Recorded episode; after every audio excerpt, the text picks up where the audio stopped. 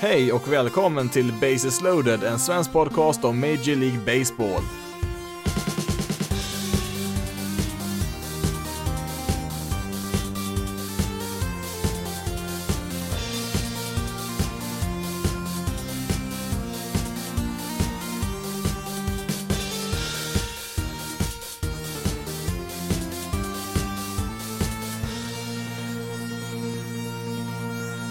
Hej och välkommen till veckans avsnitt av Bases loaded, en svensk podcast om Major League Baseball. Och eh, denna vecka så blir det en liten kortare variant här, ska jag snabbt eh, kolla igenom hur det ser ut här de sista dagarna här eh, inför slutspelet. Eh, det är bara fyra, fem matcher kvar för vissa lag.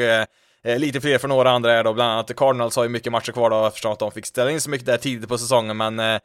Ja, nu är vi nära här, alltså det, det är ju på söndag som är sista dagen av grundspelet, sen börjar slutspelet eh, på tisdagen, ingenting på måndag då, eller ja, det kan faktiskt bli lite matcher på måndag där beroende på hur det ser ut i tabellerna där, det är ju en ledig dag där normalt sett för att man ska kunna spela lite tiebreakers och sånt där. Eh, eh, Cardinals kan nog mycket möjligt få spela där mot Tigers faktiskt, för att eftersom de fick ställa in så mycket matcher på säsongen så har de bara 58 matcher på sitt spelschema när söndagen är klar där och Eh, de ligger verkligen mitt i smeten här och det är väl sagt så att eh, de där två extra matcherna ska ju bara spelas om eh, det faktiskt kan påverka slutställningen i tabellen och som det ser ut just nu så ser det väldigt troligt ut så att det kan göra det. De ligger ju på sjätte platsen just nu i National League då när det gäller sidningen där, alltså ja, de ligger på andra platsen i i National League Central som gör att de är sidade som nummer sex just nu, men det är ju så oerhört tight där i i, i just den divisionen. Det, det, är ju fyra lag som är inblandade där som kan nå slutspel. Eh, eh ska vi se, Reds är ju de som närmast bakom där. De ligger eh, eh alltså deras vinstprocent, eh, Reds just nu, är på 50,9% av matcherna har de vunnit samtidigt som Cardinals då har vunnit 51%, alltså det skiljer 0,01% här så att det, det går inte att komma så mycket närmare än så, så alltså det är mycket möjligt att de här två extra matcherna kan eh, kan avgöra hur tabellen kommer att se ut där i National League Central och ja, även då hela mm, slutspelsbilden där i, för National League så eh, jag skulle nog inte bli speciellt förvånad om vi får se lite matcher även på måndagen där när Cardinals är inblandade. Vi kan väl då köra med just National League först här då, för att det är ju där det är lite spännande. I American League så är i princip klart alltihop där, eller ja, sidningen är väl inte helt klar, men eh, de åtta lagen i American League är ju i stort sett eh, helt klara där. Eh, I National League, där är det fortfarande, ska vi säga, det är väl en fyra lag fortfarande som eh, spelar för att eh, ta sig dit. Det är faktiskt bara två lag där i National League som faktiskt är helt klara. Det är ju Dodgers och Padres där i samma division som är helt klara. Faktiskt Padres första slutspel sedan 2006. Det laget som Padres senast gick till slutspel med hade ju Mike Piazza som catcher och Dave Roberts, nuvarande Dodgers-managern, spelade i det laget. Sen hade man även David Wells, 43 år gammal var han då, var med och spelade där i det laget. Eh, så hade man ju även då Trevor Hoffman där, 38 år gammal var han då är, så att eh, eh, det har ju varit ett bra tag sedan vi fick se Padres spela baseball i oktober och det är faktiskt den tredje längsta slutspelsfria sviten som vi har i MLB just nu som bryts här. Den näst längsta har ju Marlins som ser ut att kanske brytas in här också i år. Det ser väl ganska bra ut där, även om det inte det är klart där än. Den längsta har ju då Mariners som inte varit i slutspel sedan 2001. Ja, vi kan väl säga så här, hade Eh, Mariners slutspelstorka varit en livslevande person istället så hade den personen tagit studenten i våras så eh, Visst, det har inte varit lätt att heja på Padres eh, de senaste åren, det har det absolut inte varit, men eh, man får väl tänka då att det hade ju kunnat varit värre, man hade ju kunnat heja på Mariners istället. Ett annat sätt att få perspektiv på Padres slutspelstorka, det är ju att eh, den har i princip varit hela Justin Verlanders karriär, alltså nu kastar han väl i och för sig 11 innings här 2005 när han fick komma upp och testa på lite, men eh, Eh, 2006 var ju året eh, som han, eh, ja, blev en ordinarie spelare då kan man säga. Det var väl hans riktiga, riktiga rookie-säsong. Han blev ju årets rookie det året också. Så att man har ju då i Padres då inte varit i slutspel då sen Justin Verlander debuterade och han har ju som sagt varit med ett tag, 16 säsonger har ju han spelat. Kom ju lite tråkiga nyheter för honom här också när vi ändå pratar om honom. Han kastade ju bara en enda match i år, där, första matchen på säsongen där för Astros innan. Det var någon skada där som satte stopp och Eh, nu kom han ju ut på Instagram där och berättade att han kommer behöva en Tommy John-operation. Eh, han eh, siktar ju på att komma tillbaka här eh, typ sista veckan här, att kasta någon match kanske innan slutspelet, men eh, han, ja, han hade väl kommit igång och kasta där igen eh, innan det högg till igen där i armbågen. Och eh, ja, man kom fram till att det bästa var att göra en Tommy John-operation där, så att han eh, kommer ju absolut inte vara med någon mer i år. Och eh, med största sannolikhet kommer han inte att eh, Eh, kasta någonting eh, nästa år heller och det innebär att han kommer vara 39 till opening day 2022, alltså det är väl då som är tidigaste datumet som han kan vara tillbaka och eh, Ja, alltså kollar vi på pitchers som har genomfört en Tommy John-operation så sent i karriären så ser det inte jättebra ut. Det finns en del som har kommit tillbaka från det och alltså kastat in MLB-match efter. Det, det, har ju hänt, men det har inte varit med något vidare resultat så, det har det ju inte varit så att det det finns väl en, eh, en viss risk här att eh, Verlanders karriär i princip är över. Jag tror säkert att han kommer göra allt vad han kan för att eh, komma tillbaka och är det någon som säkert kan komma tillbaka och kasta bra även efter en sån operation sent i karriären så ja, då är väl Verlander en, en av dem så att Ska vi inte räkna bort honom helt och hållet, men Astros kan ju då i alla fall inte räkna med att det får förstärkning för honom i år i alla fall, och inte nästa år heller då, så Eh, vi får väl se helt enkelt vart hans karriär tar vägen nu. Han eh, har ju ett år kvar på kontraktet eh, nästa år då med Astros, där de ska betala honom 33 miljoner dollar för att göra ingenting för dem, eller ja, han ska väl rehabba där sin armbåge ska han väl göra efter operationen, men det lär ju som sagt då inte bli något matchspel för honom nästa år, det brukar ta minst 12 månader innan man är redo för spel igen. Och det är ju Alltså 12 månader är väl absolut bästa fallet, det brukar väl ta en säkert en eh, 14-15 månader i många fall, ibland även 18 månader innan man faktiskt är tillbaka på planen ens. Eh, sen kan det dessutom då ta lite längre tid efter det innan man faktiskt är tillbaka i samma form som man var innan, så eh, som sagt, en framtida Hall of Famer är ju helt klart, det har ju väldigt svårt att se att han inte skulle hamna där till slut, men vi får väl se om det finns ytterligare ett sista kapitel i hans karriär innan det är dags för Cooperstown för Justin Verlander. Men tillbaka då till slutspelsracet här då i National League, så ehm, Padres och eh, Dodgers som jag nämnde då, det är de två enda lagen som är matematiskt helt klara för slutspel. Eh, eh, har ju två lag till som är, i principen är färdiga också. Cubs och Braves leder ju sina respektive divisioner, 32-22 är deras record. Alltså i princip behöver de vinna typ en match sista veckan för att vara klara för slutspel. Det är väl något sånt det rör sig om och ja, även första platsen i divisionen är väl ganska ohotad för båda två. Det är ja, det är väl en, eh, ungefär fyra matcher ner för båda de här två lagen till nästa lag där, så att eh, det måste ju ske något eh, exceptionellt där för att eh, Cubs och Braves ska ja, ens missa första platsen där i divisionen, så att eh, jag är väl ganska säker på att vi kan säga att eh, Dodgers, Cubs, Braves och Padres kommer att eh, ta eh, en varsin slutspelsplats där, men eh, de fyra platserna bakom där, där är det väldigt öppet just nu. Eh, där hittar vi just nu då i, i tabellordningen då Marlins, Cardinals, Reds, Phillies som ligger på slutspelsplats. Sen så har vi två lag utanför här, Brewers och eh, eh Giants som i allra högsta grad är med där. Eh, Rockies är väl eh, Ja, de kan vi nog skriva bort här nu. Det är väl om de på något sätt skulle svepa Giants här nu i tre matcher till. De vann första matchen här igår i alla fall, men eh, Ja, Rockies kan vi nog räkna bort det, men det betyder att vi har sex lag som slåss om fyra platser och det är ju det är ju väldigt, väldigt tight här. Marlins eh, ligger bäst rankat just nu. De har ett record på 28-26 just nu, men eh, Giants då som är sist då, alltså på tionde plats kan man säga då i National League då i slutspelsjakten. Eh, deras record är 26-27 just nu, en match under 500, men eh, alltså det, det är ju bara någon enstaka match det skiljer mellan lagen här. Alltså det är sex lag då som ligger så här tätt mellan varandra och fyra av dem kommer att gå till slutspel. Eh, att ens försöka gissa vilka lag som faktiskt eh, kommer att eh, vara med här i oktober, det är nästan lönlöst. Alltså, det... Alltså vad som helst kan ju hända på så här få matcher. En dålig serie så är det liksom kört för i år. Det, det är liksom allt som krävs. Um, alltså jag tyckte ju att Reds, de, de, var ju nästan tveksam till att räkna in i förra veckans avsnitt när jag pratade om vilka lag som hade chans på slutspel, men uh, Ja, sen vann de ju sex matcher i rad här helt plötsligt och så var man med igen. Verkligen vaknade upp här i sista sekunden här i Cincinnati vunnit, vad är det, åtta utav nio har man vunnit här nu på sistone, så eh, Helt plötsligt är man då på sjunde plats här i National League, alltså de är sjunde sidare och ligger på en slutspelsplats. Det... Nej, det hade jag nog inte riktigt räknat med för en, bara en vecka sedan här, men eh, ja, man har verkligen prickat formen här och vi får väl se om de kan vara lika stekheta resten av veckan här också och in till ett slutspel. Eh, visst, nu var väl fyra av de där matcherna mot Pirates, eh, det är väl ett, eh, ett, eh, vinnande koncept att spela mot det laget just nu, det, så är det ju såklart, men eh, när man summerar säsongen så spelar det inte så himla stor roll vilka lag man har vunnit eller förlorat emot, alla vinster är lika mycket värda. Kollar vi då lite snabbt förutsättningarna för de här sex lagen då, hur det ser ut sista veckan här, så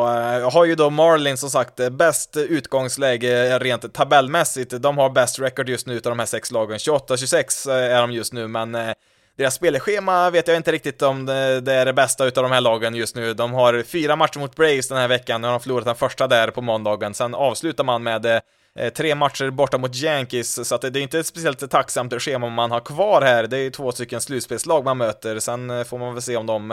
eh, går för 100% då när de är, är klara för slutspel här då. Braves då som sagt är ju i princip klara där. Sen har vi då Cardinals, andra platsen då i National League Central och sjätte sidare just nu i, i National League. De har eh, två matcher kvar mot Royals den här veckan, förlorade ju första matchen i det mötet där igår. Eh, eh sen har man då fyra, nej, fem matcher på fyra dagar mot Brewers här torsdag till söndag, en doubleheader där på fredag ska man spela.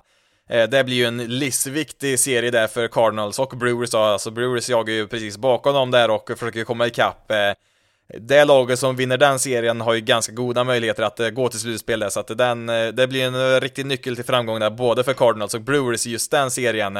Sen så har ju då Cardinals eventuellt då två matcher till där på måndagen då mot Tigers, där de ska, kommer spela mot då, det är ju två matcher som de inte har spelat än mot dem som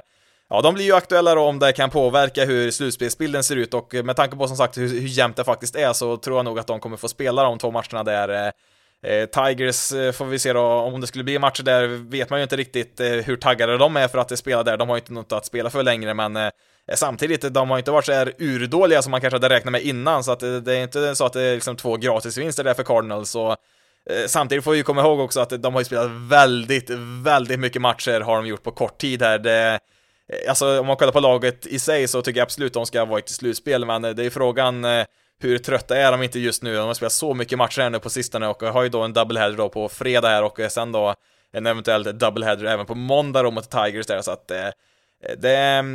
jag tycker det som sagt att de hör hemma i slutspelet, det tycker jag, men eh, med tanke på hur spelschemat ser ut så skulle jag inte vara helt förvånad om det blir lite för mycket här på slutet. Sen har vi då Cincinnati Reds, eh, har ju också ett winning record just nu, 28-27 och eh, har två matcher kvar den här veckan mot Brewers, eh, också en viktig serie där. Vann första mötet där på måndagen, sen har man då tre matcher kvar att avsluta säsongen då borta mot The Twins. Det är inte någon jätteenkel uppgift såklart, men vinner man serien mot Brewers här, tar i alla fall en av de här två kvarvarande matcherna där så då ser det ju ganska bra ut där också, behöver man ju ta minst en från Twins, eh, då är man ju uppe i 30 vinster och det kan nog räcka för att gå till slutspel här så att eh, det ser väl ganska lovande ut för Reds ändå här, alltså de har det lite grann i egna händer här med serien mot Brewers här först och främst. Eh, sen får vi se vad, vad Twins hittar på där i sista matcherna, men det här är ett lag man inte vill stöta på när de börjar gå åt rätt håll här, för som jag nämnt under säsongen här, deras topptrio där i deras rotation med Eh, med Bauer, Castillo och Sunny Sonny Gray inte att leka med. Sonny Gray har varit skadad lite här nu på sistone, men ska väl vara tillbaka här för någon start innan slutspelet och ja, Castillo har ju varit steket här nu på slutet och Trevor Bauer, även han, han är väl eh, till och med en av favoriterna till att eh, bli en Cy Young-vinnare här i National League, så att eh, om de reder ut det på något sätt och tar sig till slutspel så, ja, de blir inte roliga att möta i en trematcherserie som sagt då. Bauer, Castillo och Sonny Gray, det är Nej, den trion är det inte många som matchar just nu, så ehm, det, det som jag nämnt, bara man tar sig in så kan ju vad som helst hända och framförallt eh, när man verkligen prickar rätt formen som Reds verkar ha gjort här nu på sistone så ja, då kan ju, då kan det bli ganska roligt i oktober faktiskt. Ett lag som är lite orolig för det är ju Phillies vars formkurva helt klart pekar neråt just nu. Såg ju väldigt bra ut där ett tag för ett par veckor sedan där när man vann en himla massa matcher, men Eh, Eh, sen eh, sveptes man ju av Marlins där som vann eh, tre i rad där och förlorade man även matchserien mot Mets gjorde man förra veckan och Ja, alltså nu har man även börjat med att förlora första matchen utav fyra mot Nationals här som är helt avhängda egentligen. Så där ser det lite illa ut just nu för man avslutar sen också med tre matcher mot Tampa Bay Rays som Visst, nu är väl de i stort sett klara för att till och med vinna sin division, men det är ju inte ett lag man vill, eh, vill ha där i, i sista matcherna där när man spelar för sitt liv här på säsongen. Det är ju bara en halv match ner till lagen bakom där, Brewers och Giants då, som är utanför slutspelet just nu. Alltså, alltså Phillies Bulpen, herregud. Alltså jag finner inga ord för att beskriva vad som har hänt där egentligen i år. Eh, skulle säsongen avslutas idag så skulle det vara den sämsta bullpennen i MLB på hela 2000-talet. De har varit så fruktansvärt bedrövliga där. Eh, nu fick man ju äntligen in en pitcher där i deras rotation då med Zach Wheeler som kunde komplettera eh, Aaron Nola där som liksom har spelat riktigt bra båda två. Och även Zach Eflin där har ju spelat stabilt bakom dem, så att i deras rotation så har det ju faktiskt överlag varit rätt skapligt där som man kanske inte trodde innan säsongen började, men det är inte det problemet har varit. Det har ju varit deras bullpen som, alltså ingen ledning är ju säker när de är på planen. Det Ja, eh, alltså bara kolla på nyförvärven där från Red Sox som man gjorde där, man tradade bort eh, liksom ett rätt bra prospect där för eh, ja, Heath Hembry och uh, Brandon Workman, de har varit fullständigt bedrövliga båda två, det är liksom det är nästan runs tillåtna varenda inning de kommer in där, så att eh, eh, jag vet som sagt inte, det, det är en sån besvikelse också, för deras offensiv är ju också bra, så att Alltså när man spenderar de här pengarna som Phillies gör, alltså de har ju en av de största lönekostnaderna i hela ligan just nu och eh, dessutom de utökat slutspel där mer än hälften av lagen går till slutspel. Ja, det, det, här får ju bara inte hända. Alltså visst, man är tekniskt sett fortfarande på en slutspelsplats, men eh, det hänger ju på en väldigt skör tråd just nu. Eh, alltså missar de slutspelet nu så måste de väl i princip sparka ut Matt Klentak, deras general manager, som Ja, han har väl inte gjort många rätt i draften kan vi ju börja med och eh, ja, alltså, som sagt, med de pengarna som han har fått spendera så måste man ju ha ett bättre lag än så här, i alla fall då när man kollar på deras record. Eh, eh nej, alltså, jag vet, eh, jag vet inte vad man ska säga här, alltså. Eh, alla lager har ju svagheter, men alltså Phillies Bullpen har ju liksom förstört hela den här säsongen. Det, det var väl en lagdel man nästan eh, han ignorerar väl innan säsongen började och tänkte att vi har andra behov så får liksom, det får bli som det blir där. Bullpens kan ju gå lite hur som helst, men eh, Nej, som sagt, jag, jag, hittar inte riktigt orden här för Phillies som visst, slutspel ligger de på tekniskt sett just nu, men eh, Alltså, jag hejar inte på Phillies på något sätt, det kanske låter som jag gör det just nu, men alltså jag har inte varit någon Phillies-supporter någon gång under, under, mitt liv, men ändå på något sätt blir man ju nästan arg när man ser den här situationen de har satt sig i. 16 lag går till slutspel i år och eh, Phillies är ju eh, ärligt talat på väg att missa det som det ser ut just nu. Eh, en halv match ner till, eh, till Brewer som spelar betydligt bättre just nu. Det, Nej, alltså jag vill ju inte gissa på vilka lag som skulle gå till slutspelet av de här sex, men alltså jag har ingen bra känsla för Phillies här sista veckan. Det, det har jag absolut inte, men nej, nu, nu, nu får jag sluta prata om dem. Jag blir, jag blir bara irriterad ju mer jag pratar om dem här, så att vi, vi släpper Phillies där så får vi se eh, om de faktiskt lyckas krångla sig ur den här situationen eller inte. Brewers då istället, eh, de har ju spelat bättre här på sistone, tog ju tre utav fem mot Cardinals förra veckan och svepte sedan Royals i tre matcher eh, på slutet av veckan. Eh, nu förlorar man ju då första matchen här mot eh, Reds då i serien mot dem där, man har två matcher kvar mot dem. Sen så har man ju då de här fem matcherna på fyra dagar mot Cardinals som man avslutar säsongen med. Eh, är det något lag som har sitt eh, öde i egna händer så är det just Brewers. Alltså de ligger ju utanför slutspelet just nu, det gör de, men de spelar ju bara mot lag som ligger framför dem som de kan passera i tabellen, så det, det, är upp till dem själva nu helt enkelt. Det är ingen som kan hjälpa dem nu, utan det är bara de själva som kan se till att ta sig in till slutspelet här. Eh, har ju då sju matcher kvar att spela, behöver vi vinna, ja, fyra minst tror jag för att eh, ha en chans. Eh, helst fem skulle jag nog säga, för att vara helt säkra, men Ja, det krävs ju lite septembermagi igen här för Brewers. Kollar vi på säsongerna 2018 och 2019 så är det väl tveksamt om något lag i hela MLB har varit bättre i september månad än vad de var där. Nu är det ju en, ja nu är halva säsongen i september så att det blir inte riktigt samma sak i år då med just den här månaden, men Ja, det ser ut som att han kanske kan lyckas lösa det här igen på slutet av säsongen. Har man ju fått in eh, Daniel Vogelback eh, som eh, Ja, alltså han spelar ju just nu som om han vore Christian Jelic eller något sånt där och tur är väl det, för Jelic har ju själv inte gjort det i år. Han har ju haft en ganska tung säsong. Men Vogelback, han har ju kommit in här och dominerat direkt. Visst, det är 12 matcher vi pratar om, men på de 12 matcherna så har han dunkat iväg en tre homeruns. Eh, slashline på 410, 477, 692, VRC plus på 211 på de där matcherna. Eh, alltså 100% bättre än genomsnittet i MLB just nu, så eh, han har ju kommit in och lyft dem rejält där på slutet. Eh, kan kanske vara skillnaden mellan slutspel eller en tidig slut på säsongen faktiskt. Eh, en oväntad eh, Ja, jag skulle inte säga att han är en oväntad hjälte än, men han har ju potential att faktiskt bli det här för Brewers som Ja, var jag tvungen att satsa den där guldtian eh, på Brewers eller Phillies som slutspelslag så eh, ja, då får den nog hamna på Brewers som eh, helt klart har lite mer medvind i seglen än vad Phillies har just nu. Till sist då ska vi bränna av Giants lite snabbt här som har samma record som Brewers, 26-27 och har ju alltså då också sju matcher kvar. Tre matcher mot Rockies först och främst den här veckan här och avslutar med Padres fyra matcher. Eh, de, eh, alltså det som är nackdelen för Giants, det är att de spelar ju inte mot lag som eh, ligger framför dem, alltså, eller ja, Padres ligger ju framför dem, men det är ju inte lag som, som de kommer komma ikapp. det är ju liksom lagen i National League Central och East där som är ja, deras konkurrenter om de här sista slutspelsplatserna och ja, man kan ju inte göra så mycket åt de lagen där utan man kan ju bara spela sina matcher i sin division här på västra sidan och Um, ja, alltså Rockies är väl eh, tekniskt sett inte helt avhängda. Skulle Rockies eh, svepa Giants här då i den här serien så skulle de faktiskt gå förbi Giants där, så att eh, det, det är väl egentligen Rockies enda chans där, men eh, det, det, det, tror jag nog inte kommer att hända här. Eh, har ju varit eh, ganska negativt inställd till Giants hela säsongen här. Jag trodde väl de i princip skulle vara sist i divisionen i år, men Eh, man har ju kämpat på ganska bra här, man har kämpat på väldigt bra, hade ju inte trott att de skulle vara med så här bra eh, på sista veckan av säsongen, det hade jag absolut inte trott, men eh, man har hittat några guldkorn här på sin roster som har spelat betydligt bättre än vad man hade kunnat tro faktiskt, så att det har ju det har ju börjat väldigt långt det här och alltså det är ju inte,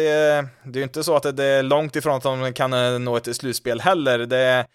ja, man har väl inte de bästa förutsättningarna, det har man absolut inte. Man har ju ett Rocky som inte Ja, Rockies är väl väldigt upp och ner när de spelar, det är de absolut. Det beror på vilken dagsform de är i, hur, hur, det, hur det går i de matcherna där. Men sen har man ju då Padres då i fyra matcher som, eh, ja, Padres är väl i princip klara att eh, de blir eh, två i sin division. Det, det är inte så mycket som kan ändra på just nu, så det är väl möjligt att de kanske kan eh, sno någon extra match där, men ja, även om de skulle gå till slutspelet Giants så Ja, man ska väl mest vara nöjda med sin prestation i år. Jag har ju väldigt svårt att tro att det här laget ska kunna göra speciellt mycket väsen av sig om de skulle gå till ett slutspel. Men ja, först och främst så ska man ju försöka ta sig dit och...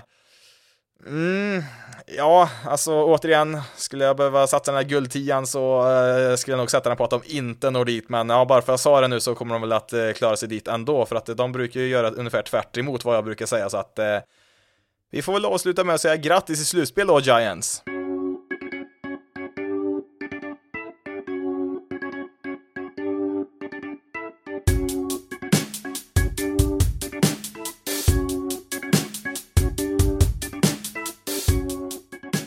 American League ska vi dra igenom här väldigt snabbt för att eh, som jag nämnde i början av avsnittet, eh, det är, det är i princip klart vilka åtta lag det blir här. Eh, kan nämna då att Rays, White Sox, Ace, Twins och Yankees är helt klara, alltså matematiskt så kan de inte missa slutspelet, de fem lagen.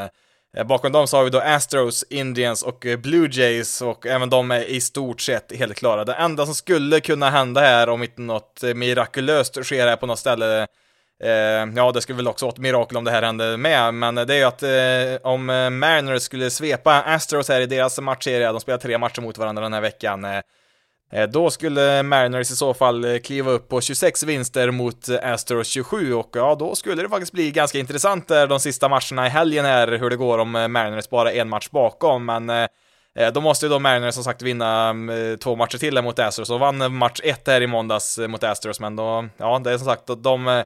de måste ju i princip vinna alla mot Astros här för att ha chansen och då skulle ju Ja, i och för sig då, skulle Mariners då gå förbi Astros så har väl Astros fortfarande chansen att ta åttonde och sista wildcardplats närare som Blue Jays har just nu. De ligger på 28 vinster just nu. Eh, det finns väl då med andra ord en liten, liten chans att det kan bli dramatik även i American League, men det, det ska mycket till för det. Det är mycket som måste gå rätt eller som måste gå fel då beroende på vilket lag man hejar på såklart. Eh, Eh, tror som sagt att eh, både Astros och Blue Jays fixar det till slut och eh, Mariners helt enkelt får nöja sig med en oväntat eh, bra säsong. Eh,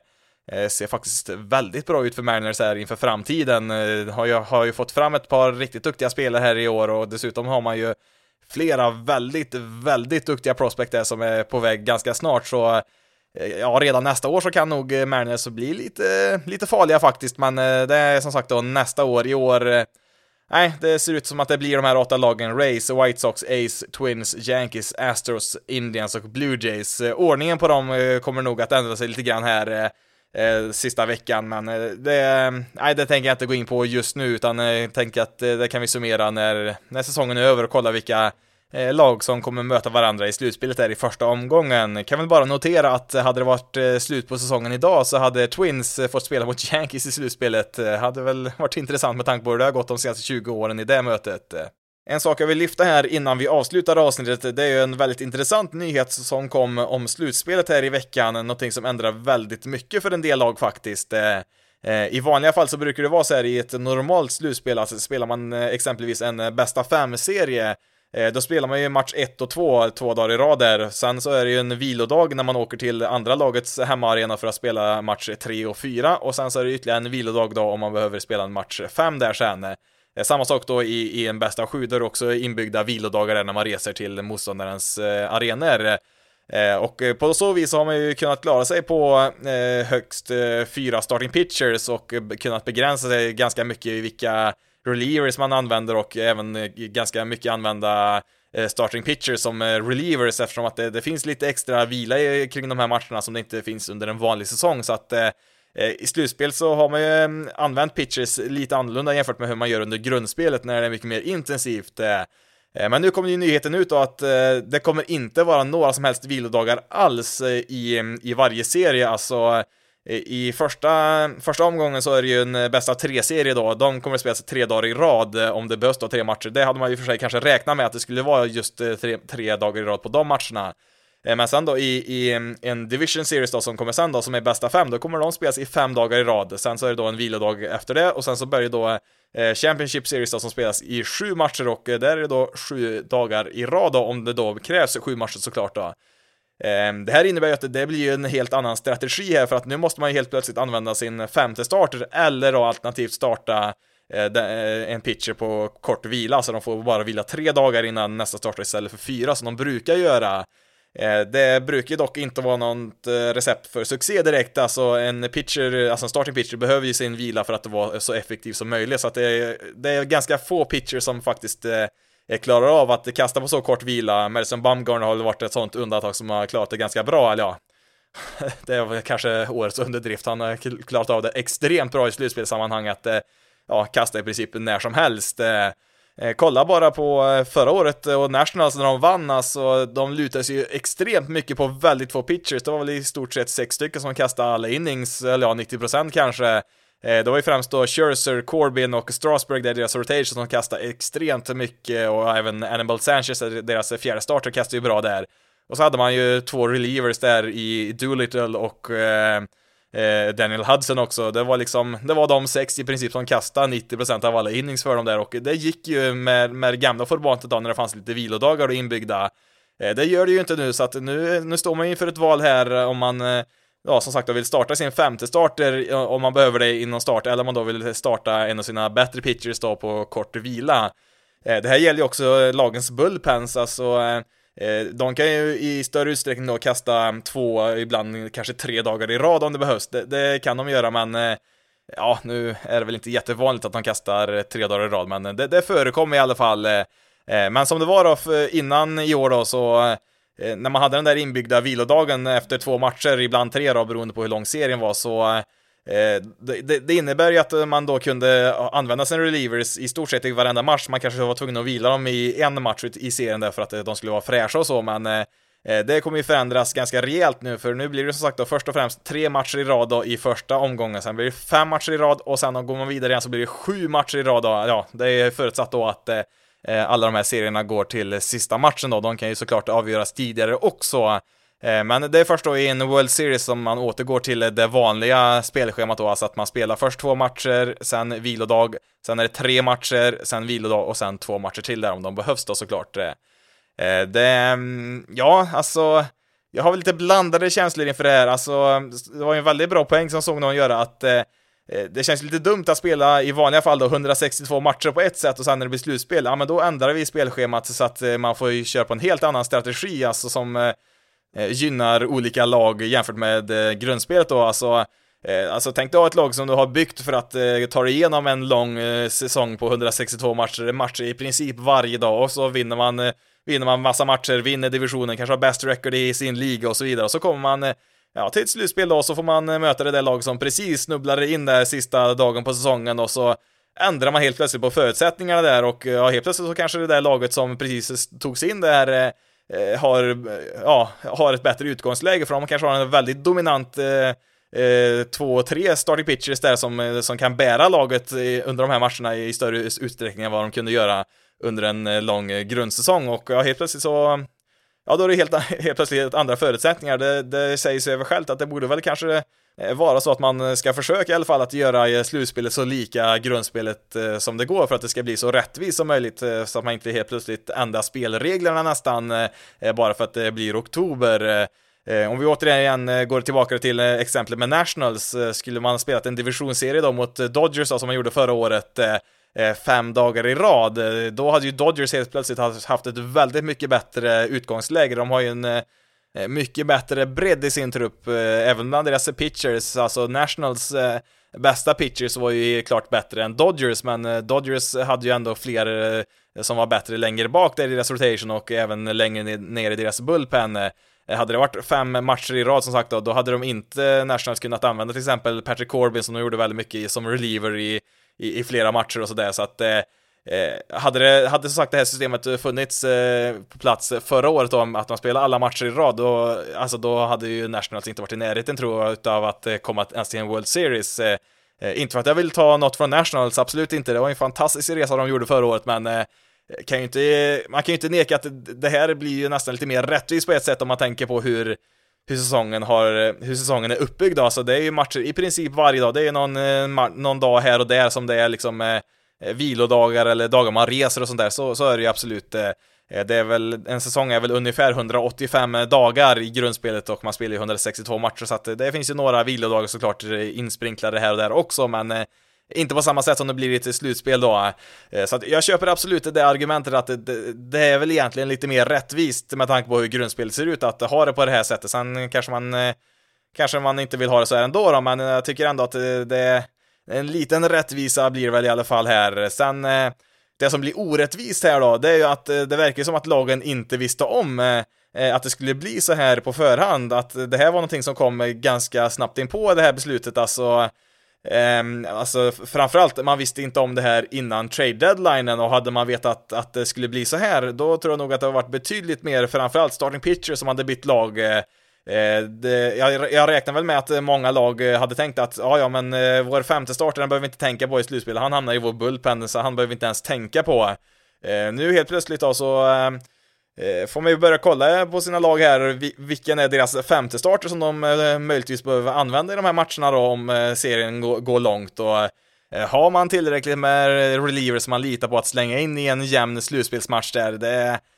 Ja, det ändrar ju kalkylen ganska mycket. här, Alltså, ett lag som Cleveland Indians borde ju jubla över det här, alltså, som har kanske ligans, eller ja, de har väl ligans bästa rotation just nu. Eh, de har ju fem stycken riktigt starka pitchers där och eh, ja, i det här formatet så kan man komma ganska långt på det, även om deras offensiv är fullständigt urusel just nu. Eh, ett lag som Dodgers, återigen, de har ju också bredden för att klara av det väldigt bra. Sen är det som sagt då, vissa lag som nog känner här att det hade nog varit bra att få in en extra pitcher eller två här inför ett slutspel med tanke på hur det ser ut nu för att klara av det här på bästa sätt. Alltså, alltså de här egentligen, man måste ju berätta sånt här innan, alltså.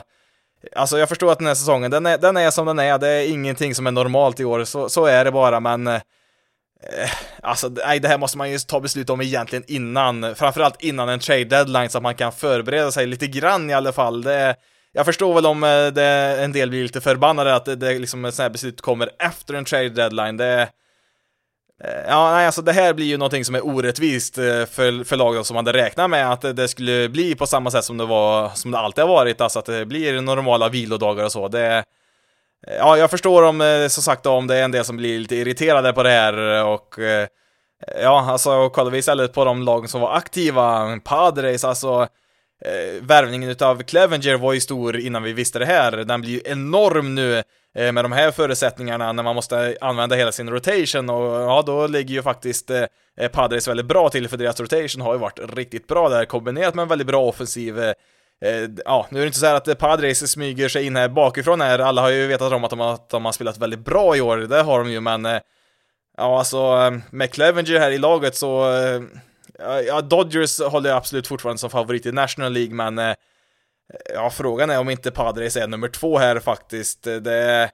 Alltså kollar på deras rotation just nu, det är Nilsson Lamette. Eh, han är ju en Cy Young-kandidat. Eh, Zach Davis har ju haft en väldigt underskattad säsong, han har en ERA på ungefär 2,5. Eh, Garrett Richards har kommit tillbaka bra, en ERA på 4,2, inte... Det är ingen sån här super-ERA, det är det ju absolut inte, men man behöver sådana pitchers också som kan kasta stabilt. Clevenger som sagt då, har kastat bra i sina matcher med Padres och Paddock har ju Ja, har haft det stundtals lite svårt i år. Eh, har väl inte varit någon succé som det var förra året, eh, men eh, har väl sett lite bättre ut jämfört med början på säsongen där, så att det går väl kanske åt rätt håll för honom också här, men ja, i alla fall, det är en väldigt bra enhet de har där. Kanske ingen Cleveland Indians rotation direkt där, men eh, då har de ju däremot en betydligt bättre offensiv än vad Indians har det, så att som helhet så är väl nog Padres ett av de bättre lagen just nu. Eh, sen som sagt, som jag nämnde i förra avsnittet, de, eh, de är unga och har ju inte så mycket rutin, och de har väl några där som har varit med eh, långt i slutspel och sånt där, det, det har de ju, men det, det, brukar ju vara lite tufft för, för de här lite yngre lag första gången de är med i ett slutspel, men med de här förutsättningarna så ser det ju faktiskt väldigt, väldigt bra ut för de här, alltså de har förutsättningarna för att gå långt i år, det har de absolut. Jag hoppas väl lite grann eh, att de gör det också, för de är ett väldigt underhållande lag. Alltså om jag sitter och ska välja vilken match jag ska se på, om Padre spelar så är de liksom högst upp på listan just nu. Det är, det är enligt mig är det helt klart mest intressanta laget att titta på om man inte då vill kolla på sitt favoritlag då kanske såklart då, men eh, eh, ja, det det är inte någon överraskning att eh, Padres har ett bra lag, alltså det ser man ju på deras record. De har ju ett, ett av ligans bättre records just nu, i alla fall då i National League, så Eh, det är inte något överraskningslag som smyger sig på här direkt eh, så med tanke på hur säsongen har sett ut, men sätter ändå en varning här på Padres som jag hoppas eh, Ja, det har ju varit kul att få se Padres mot Dodgers i en, i en Championship Series där i en bästa sju. Det hade varit ganska mäktigt där att få se dem slåss om platsen då i, i en World Series då från National League. Men i alla fall då så, ehm, det är de förutsättningarna vi har och oavsett om det är vilodagar eller inte i de här matchserierna så när det är så få matcher det handlar om i ett eh, slutspel så ja, då, då kan vad som helst hända, vilodagar eller inte. Det, det är klart att eh, alltså till och med Pittsburgh Pirates skulle kunna ta två stycken matcher utav tre mot Dodgers. Det, det konstiga saker har ju hänt eh, i MLB än så, så att jag tror nog att vi säkert kommer få se ett och annat favoritlag åka ut redan i första omgången där, så ja, som sagt, det, Eh, det är ju 2020, året som ingenting är normalt och det vore väl konstigt om eh, detsamma inte gällde i slutspelet i år här i MLB, så eh, Ja, jag vet inte riktigt vad vi ska förvänta oss här när vi väl drar igång här på tisdag, första slutspelsmatchen som det börjar spelas. Och jag kan väl tillägga där också att eftersom att det är så tätt spelschema så ja, det blir väldigt bra för oss här i Sverige i alla fall om vi får vara lite själviska på det sättet, för eftersom att det inte är några vilodagar så kommer det spelas en himla massa matcher varje dag. Eh, framförallt då här, i allra första början här när det är massa wildcard-runder där som är den här första bästa tre-serien. Eh, på onsdagen där, andra dagen på slutspelet, då kommer alla eh, åtta slutspelsrundor eh, att spela, alltså åtta slutspelsmatcher på en och samma dag. Eh, det innebär ju att det blir eh, en hel del tidiga starttider också. Kan Eh, säga så här att nu har de eh, inte lagt ut exakt vilka matcher som kommer hamna på vilken tid här då än så länge då, men eh, som det är planerat just nu så kommer det då på onsdagen där 30 september till exempel. Då är det planerat att det ska starta en match klockan sex då, svensk tid då, en klockan sju, en klockan åtta, en halv tio, tio, elva och sen har vi en ett på natten, en eh, fyra på natten där, så att det är ju mycket tidiga matcher också och det fortsätter ju även sen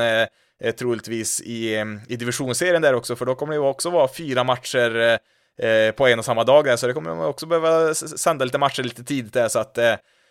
eh, oavsett vad man tycker om eh, hur slutspelet är strukturerat i år med antal lag och eh, ja, hur mycket vilodagar och så det är, eller ja, rättare sagt inte är, så innebär det ju att vi faktiskt får ganska mycket eh, matcher som kommer sändas på, eh, på bra tid här i Sverige då i alla fall. Sen så blir det väl eh, betydligt sämre då Eh, när vi kommer till eh, Championship Series och eh, World Series där de de matcherna kommer nog förmodligen då som vanligt att vara ganska sent på natten då, svensk tid, men ja, man får glädjas, glädjas för det man får, framförallt under ett år som detta, som, ja, det var väl en risk under en period där att vi inte skulle få något spel alls, så att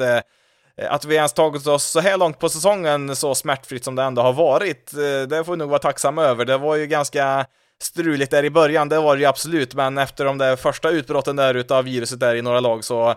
har det faktiskt flutit på väldigt bra, betydligt bättre än vad jag hade vågat hoppats på, så att Eh, eh lite hatten av ändå för MLB som har lyckats ganska bra med det här. Jag vet ju att det är ganska populärt att eh, klaga på Manfred och ja, alla andra som styr och ställer där i ligan med all, alla idéer som de har, men eh, eh, med de här förutsättningarna som vi haft i år så får man väl ändå säga att de har lyckats relativt bra ändå i år. Sen får vi se då hur man eh, Eh, eventuellt utnyttjar alla de här förändringarna i framtida säsonger då när det är under lite mer vanliga omständigheter eller så. Då, ja, då får man kanske klaga lite mer då istället, men eh, ja, i alla fall eh, det är inte varje dag som man berömmer kommissionären och det arbetet de har gjort från ledningens sida där, så att får väl passa på de få gångerna som det faktiskt, de faktiskt förtjänar att få lite beröm för att som sagt det var inga lätta omständigheter som man fick arbeta med i år. Visst, det fanns saker man kan kritisera också såklart, men Eh, när väl spelet eh, kom igång, eh, om vi kollar på den aspekten, så då kan man väl ändå få en liten, en liten guldstjärna där i alla fall. Då får det räcka för veckans avsnitt och när jag nämnde i början där att det skulle bli en snabb variant i den här veckan så visade det sig att det var ju en ren och skär lögn ser jag nu. Vi är uppe i 40 minuter redan här. Eh, jag får nog helt enkelt eh, sluta och säga sådana saker när jag spelar in eller helt enkelt lägga ner mig lite mer och redigera ut sånt. Men ja, nu, nu får det vara som det är här. Jag hinner tyvärr inte med någon veckans bästa och sämsta här. Eller ja, vi kan väl ge en, en spontan snabb veckans bästa till Albert Pujols som Eh, slog iväg homerun 661 i karriären, därmed nummer 5 någonsin i MLB. Han passerade Willie Mays här nu i, i, i den listan, så att ja, en guldstjärna också då till Albert Pujols kan vi ge, men ja, nej, nu har jag verkligen inte tid att spela in mer här, utan vi säger tack för det här avsnittet och eh, eh, om du vill följa Basis Loaded så kan du göra det på Twitter, Facebook och Instagram. Du letar upp basisloaded.se. Du kan även mejla till basisloaded.se gmail.com.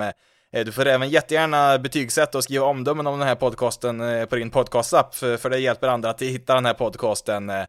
Men nu har jag pratat tillräckligt för idag. Mitt namn är Jonathan Fabri. Tack så jättemycket för att du har valt att lyssna på detta avsnitt av Bases loaded. Ni får ha det så bra där ute, så hörs vi i nästa veckas avsnitt.